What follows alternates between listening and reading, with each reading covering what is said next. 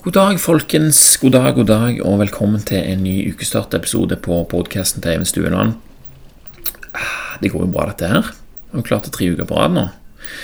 Og ehm, det som jeg skal snakke med om i dag, er, det kommer fra ei side på, i Daily Stoic som jeg har liggende alltid hjemme, og som jeg, der det er en liten filosofisk setning eller uh, setninger fra en kjent stoiker hver eneste dag, og en god forklaring under om hva det betyr.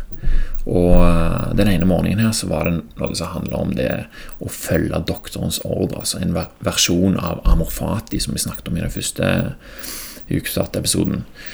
Og det er Marcus Aurelius som har, eh, har, skrevet dette her. Og det som det gikk ut på, er at det, Altså, for vår del, hvis vi tar oss først Doktorens ordre det er jo en anbefaling til deg om hvordan eller hva du bør gjøre for at du skal bli frisk igjen hvis du er syk. Det kan være en medisin du skal ta, eller en anbefaling om en ny vane du bør legge til livet ditt. Kanskje du må ja, du gå tur i ulendt terreng, eller sånne ting. Eller ri på hest, og sånn som Marcus Aurelius skrev. om.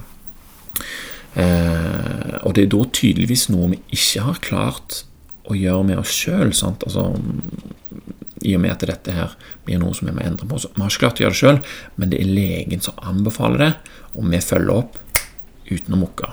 Sånn, vi stiller ikke noe særlig spørsmål med det som legen sier. Det er noe vi må og vil utsette oss for for at vi skal bli bedre. Sant? Og Stoikerne de var jo mestere i å bruke analogier til å forsterke sin forståelse for hvordan de ville oppføre seg, og hvordan de ville takle det som skjer med dem. Marcus Aurelius han skriver til seg selv at han tenker på naturen som sin lege. Og Da snakker han om naturens gang og hva den velger å utsette oss for.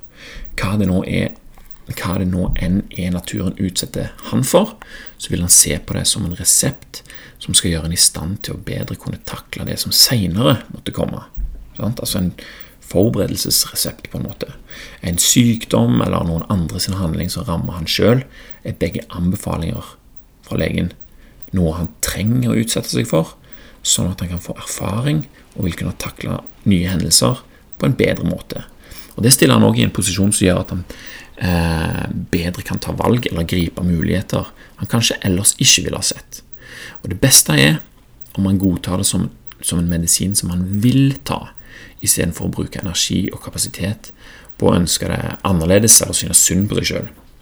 Det er en resept for å hjelpe skjebnen. Stoikerne var jo opptatt av skjebnen. Eller iallfall å styre han i en bedre retning. Og så lenge han ser det sånn, så vil det jo automatisk ha sin effekt. Og Sånne tanker det vil jo kanskje høres litt søkt ut, eh, men hva om det hjelper deg å tenke, tenke sånn? Tidligere så har jeg jo snakket om amorfati, sånn som Nietzsche kalte det. Og én ting er at vi vet å omfavne det som skjer med deg, eh, at det gjør det lettere å takle det som skjer, men det er ikke dermed sagt at så lenge vi en gang har fått høre at det er sånn, så vil vi for alltid være i stand til å tenke og handle etter det. Det er vanskelig å følge opp alle de forståelsene som vi har i hodet vårt. Vi vet jo f.eks. hva som er bra å spise, og hva som er bra å gjøre, men vi er mer eller mindre konsekvente i utførelsen av det. Og det er her disse analogiene er enormt hjelpsomme. da. Altså Hver hendelse vi utsettes for, er forskjellig, og hver gang noe skjer med oss, så er òg f.eks. sinnsstemningen vår annerledes. Vi har kanskje klart noe én gang, når forholdene for å innse noe var til stede, at det var lett for oss. Men hva om det er andre faktorer som gjør at det ikke er like enkelt å forstå hva vi skal gjøre? Eller at vi ikke klarer å oppføre oss sånn som vi vil? Vi har kanskje ikke opplevd akkurat denne varianten av denne hendelsen før. Kanskje vi er sultne, trøtte eller slitne denne gangen, og dermed gir lettere etter for uh, forslagene til system 1. sant? Og så er det først i etterkant, når ting er mer på plass, at vi innser hvordan vi kunne ha handla og tenkt for at hendelsen kunne gitt oss en mildere påvirkning, eller en eventuelt positiv en. Og det er få ting som skjer helt likt hver gang. Sant? Altså Det er et hav av nyanser som kan endre vår oppfatning av hva som er i ferd med å skje, eller hva som akkurat har skjedd. Og det er her jeg pleier liksom å hamstre sånne analogier. Nye analogier for en ny situasjon. sant? Og um, Da blir det en ny påminnelse for, for, hvordan jeg kan se en ting. Og En gammel analogi som jeg har brukt før, den kan passe til en ny situasjon som ligner på en tidligere hendelse. Sant? Og dette her, det blir det jo masse av etter hvert. Det blir som renters renter, på en måte. Jo flere analogier jeg har på lager til å beskrive det som skjer, desto flere situasjoner jeg havner i, vil passe til en av disse. Sånn at jeg kan komme den uønskede atferden min i forkjøpet. Det er jo det det handler om. Sant? Alle har jo en automatisk eh, lyst til å gjøre noe, men det handler om å komme det i forkjøpet og se litt mer på det gjerne i et annet lys, i form av en analogi, sånn at du kan eh, handle annerledes enn hva du automatisk egentlig hadde ville gjort. Og det er ikke sånn at vi er ferdige. Vi må gjøre dette hele tida. Vi investerer i vår egen fremtidige gode oppførsel ved å lage det lettere for oss å forstå hva vi holder på med. Og Marcus Aurelius han skrev ikke dette ned én gang og var ferdig med det. Han har fortsatt å minne seg på sånne ting i nye formuleringer og nye situasjoner gjennom hele livet, livet sitt. Han òg trengte trening og påminnelse for å kunne oppføre seg sånn som han ønska. Hvordan skal vi tro at vi skal klare det bedre enn han, liksom? Og som sagt så leser jeg Daily Stoic hver morgen. En stor setning for hver dag med forklaring. Og jeg vet at jeg ofte nevner denne boka, her, men det er både for min egen del og for din del. Hver morgen så blir jeg påminnet hvordan det går an å tenke i forskjellige nyanser som gjør meg i stand til å handle bedre deretter. Og det holder ikke å lese det én gang fra én situasjon og tenke at det holder. Det må repetisjon og nyanser til. Det holder ikke å være i god form én gang i livet og så forvente at han har gjort sitt og kan leve på det resten av tida. Sant vel? Nyanser og repetisjon er nødvendig for å holde, eller for å nå eh, et ønskenivå, da, og automatisere det, ikke minst. Så der fikk du nok en analogi. Og om den er aldri så fjern fra det opprinnelige, så spiller det liten rolle så lenge det kan øke forståelsen vår for noe.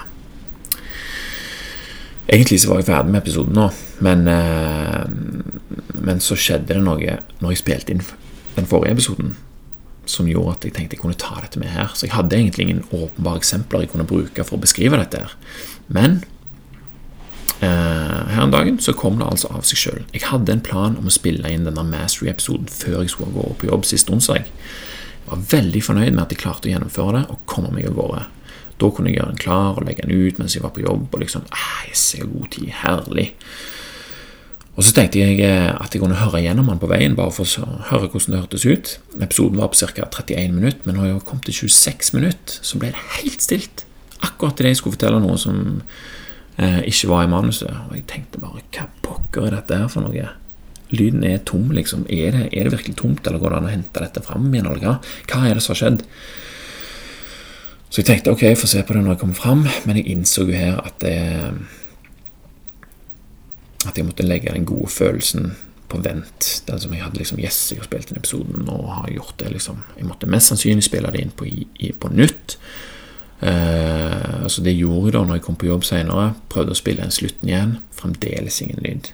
Ok, det er altså noe med opptakeren, da. Har han tatt kvelden? Kjipe greier. Så la jeg meg og tenkte liksom, ok, hvordan skal jeg finne ut dette? Jeg må ha prøvd å gjøre noe opptak med mobilen, og sånt, men kvaliteten ble så dårlig liksom, at det var ikke tilfredsstillende. Og det var ikke før neste morgen, når jeg satt og skrev morgensidene, denne morgenen her, faktisk, det er ikke lenge siden, en time siden, at jeg innså at dette her kunne jeg jo se på som en resept for naturen. Først var jeg irritert og litt stressa over dette, her, men med en gang jeg innså at jeg kunne se på det som en test for å takle det uforutsette, så ble det med en gang ikke bare lettere, men den neste tanken ble automatisk hvordan jeg kunne nytte det. Jeg kunne jo bruke dette som et eksempel i neste ukes episode. Det var litt av en innsikt, altså. Med en gang jeg skifta holdningen min mot at dette var god trening, så poppa det òg en måte som jeg kunne nytte det på. Helt sånn Jeg hadde, jeg hadde ikke anelse engang om at dette kunne være noe positivt fram til jeg skifta holdningen. Og det var et nydelig øyeblikk, og jeg ble liksom sittende og smile litt av det og kikke litt ut i lufta. Altså, jeg leste om Marcus Aurelius og hans resept fra naturen en morgen for noen uker siden. Det er greit, men siden jeg skrev om det når jeg lagde denne episoden, her, så økte jeg sjansen for at jeg skulle nytte det til noe. Det lå tilgjengelig i hodet mitt, lett tilgjengelig, sånn som det står i Thinking Fast and Slow. Og ved å tenke den tanken og skrive det i morgensidene, og komme på at jeg kunne bruke det i en episode, og nå snakke om det igjen, så gjør det at jeg har en egen positiv erfaring med måten dette her fungerer på, som igjen gjør det lettere å koble om fremtidige negative hendelser til noe positivt som jeg kan gjøre nytte av. oi, oi, oi, folkens. Det er dette her det handler om. Sant? Det er dette som gjør livet helt konge, som spør du meg. Altså. Den følelsen av å se hele teorien spille seg ut live foran øynene på meg og gi det resultatet som jeg er ute etter, som jeg ikke vet at jeg vil ha engang. Akkurat sånn det skal være. Og det er rart hvor fort det skjedde bare jeg endra den lille holdningen til det hele. Anbefaler å prøve det. Det er uvurderlig når det skjer.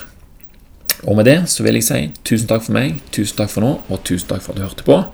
Håper alle koser seg i julestria, og at du gjør snille ting med snille folk, og gjør negative ting om til noe positivt for deg sjøl. Vi snakkes neste gang.